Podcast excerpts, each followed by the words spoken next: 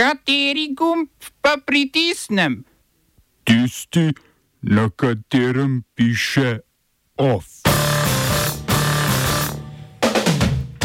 V Združenem kraljestvu stavka na stavko. Pakistanci zaradi mraza v zamik volitev. Z izborom kmetijske ministrice Golob prelomil besedo. Nova ministrica bo poslanka svobode Mateja Čalušič. Golobove ločitvene izgube.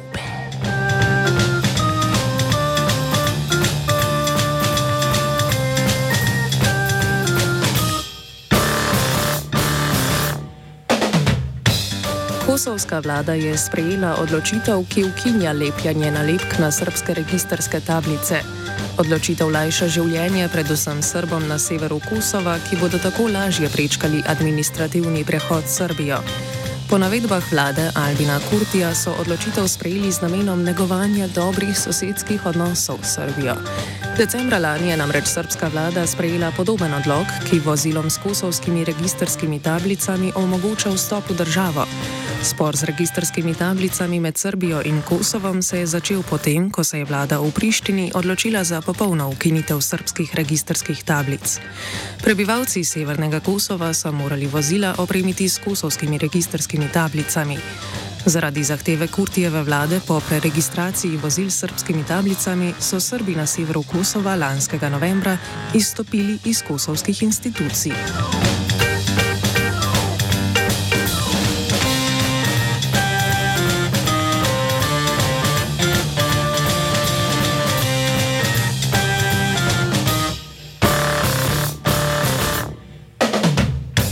Delavci podzemne železnice v Londonu so začeli stavko, ki bo trajala vse do prihodnjega petka. Stavko organizira sindikat železničarskih, pomorskih in prometnih delavcev, znan tudi kot RMT. Razlog za stavko je nezadovoljstvo s ponudbo podjetja Londonski promet, ki upravlja s podzemnimi železnicami v britanski prestolnici, da plače zaposlenim zviša za 5 odstotkov. Sindikalisti poleg več kot 5 odstotnega zvišanja plače zahtevajo tudi ponovno vzpostavitev brezplačne vožnje na delo zaposlenih, ki je bila ukinjena leta 1996. Ostali sindikati delavcev podzemne železnice, med katerimi je tudi sindikat strojevodi ASLEF, so sicer sprejeli ponudbo ponudbo zvišanja plat za 5 odstotkov in za razliko od RMT-ja stavko preklicali.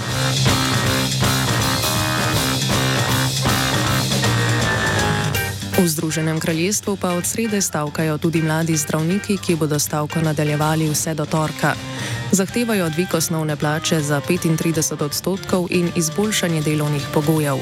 Stavka je povzročila na tisoče odpovedi pregledov in rutinskih operacij, ki bodo še dodatno vplivali na že tako dolge čakalne vrste v britanskem javnem zdravstvu. Čakalne dobe pacijentov so se kljub obljubi predsednika vlade Rišija Sunaka, da jih bo skrajšal, podaljšale. V preteklem letu je na pregled ali operacijo tako čakalo dobrih 500 tisoč ljudi več kot lani.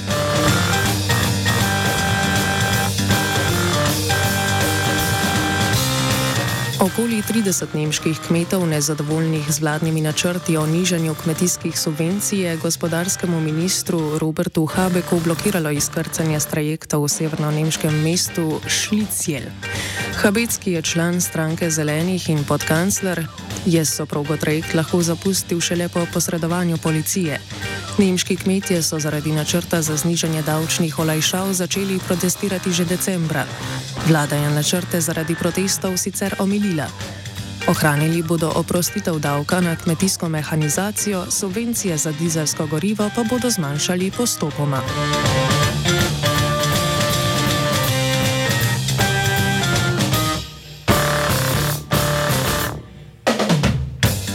Pakistanski parlament je podprl resolucijo, s katero namerava zamakniti splošne volitve, razpisane za 8. februar. Kot uradni razlog za zamaknitev volitev so podali neprimerne vremenske razmere in varnostne grožnje. Senatori menijo, da bo v hladnejših območjih države mraz voljivcem onemogočil udeležbo na volitvah. Poleg tega jih skrbijo tudi nedavni poskusi atentatov na politike, med drugim poskus uboja vodje zbora islamskih klerikov Fazlurja Rehmana. V zgornjem domu parlamenta je bilo ob glasovanju sicer na vzočih le 14 od skupno 100 senatorjev, proti resoluciji pa sta glasovala le začasni minister za informiranje Murtaza Solani in senator opozicijske pakistanske muslimanske lige Afnan Allah Khan.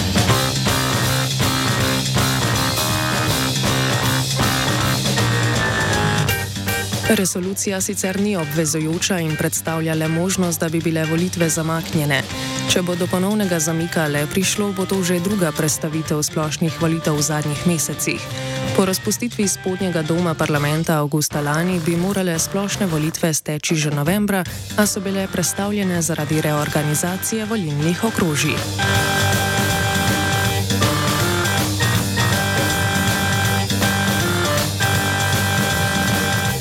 Izraelska vojska je po pričevanju prebivalstva v begunskem taborišču Magazi v centralni Gazi s tanki udarila v taborišče in pri tem vozila preko ljudi ter streljala na civiliste. V zadnjih 24 urah so po poročanju palestinskega ministrstva za zdravje izraelske sile v Gazi ubile več kot 160 ljudi. Skupaj je tako od začetka spopadov 7. oktobra izraelska vojska ubila že dobrih 22 tisoč ljudi. Nasilje pa Izrael vrši tudi na okupiranem Zahodnem bregu. Izraelska vojska je v taborišču Nuršam s podvodnevnem obleganju zaslišala 500 ljudi, med drugim tudi otroke in ženske. 150 jih je na to odpeljala v vojaško bazo, 20 pa jih je na mestu aretirala. Od udora borcev islamskega odporniškega gibanja Hamas na območje, ki ga nadzoruje Izrael, so izraelske sile pridržale več kot 5000 ljudi. V tem času je po podatkih palestinskega kluba zapornikov v izraelskih zaporih umrlo šest ljudi. Smo se osamosvojili, nismo se pa osvobodili. Da se naštete še 500 projektov. Izpiljene modele, kako so se strani nekdanje LDS rotirali. Ko to dvoje zmešamo v pravilno zmes, dobimo zgodbo o uspehu takemu političnemu razvoju se reče udar. Jaz to vem, da je nezakonito, ampak kaj nam pa ostane? Brutalni obračun s politično korupcijo. To je Slovenija, tukaj je naša zemlja, to je Slovenija, Slovenija, Slovenija. Premijer Robert Golop je v državni zbor poslal predlog za imenovanje poslanke Gibanja Svoboda Mateja Čalušič na mesto kmetijske ministrice. Iz premijejevega kabineta so sporočili, da je upokojeni major Vojko Adamič umaknil soglasje za kandidaturo. Po informacijah portala NN je Adamič umaknil kandidaturo potem, ko se ni izkazal na predstavitvi pred poslanci.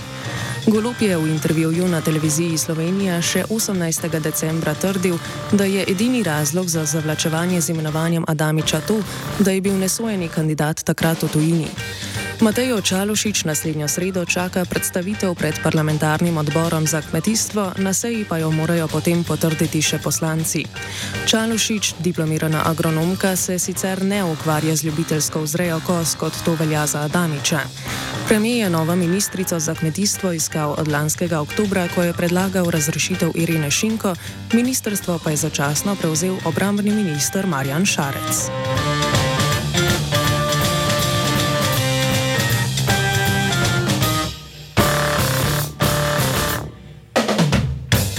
Predsednik vlade Robert Golop je Komisiji za preprečevanje korupcije prijavil spremembe svojega premoženskega stanja v minulem letu. Prijavil je odsvojitev zemljišč v skupni izmeri dobrih 10 tisoč km2 in odsvojitev več kot 10 tisoč evrov vrednih denarnih sredstev. Kot v odgovoru za časopis Delo pojasnjujejo iz kabineta predsednika vlade, so odsvojitve rezultat ločitve premijeja in njegove nekdanje žene Jane Nemec Golob. V zemljiški knjigi je sicer razvidno, da je Golobova bivša žena edini lastnik družinske hiše z bazenom v Kromberku pri Novi Gorici, a je nepremičnino premijer kljub temu opredelil kot odsvojeno lastnino. Zaradi tega je protikorupcijska komisija prijavo opredelila za nerazumljivo in Goloba prosila za dodatna pojasnila. Premijer je poleg tega v preteklem letu postal edini lastnik podjetja Star Solar, ki se ukvarja s proizvodnjo elektrike. Protikorupcijska komisija je na to sporočila, da bo začela preiskovati golobovo lasništvo podjetja. Predsednik vlade je protikorupcijski komisiji prijavil tudi pridobitev premičnine v vrednosti več kot 10 tisoč evrov in prevzem odplačila posojila oziroma dolga v višini več kot 10 tisoč evrov.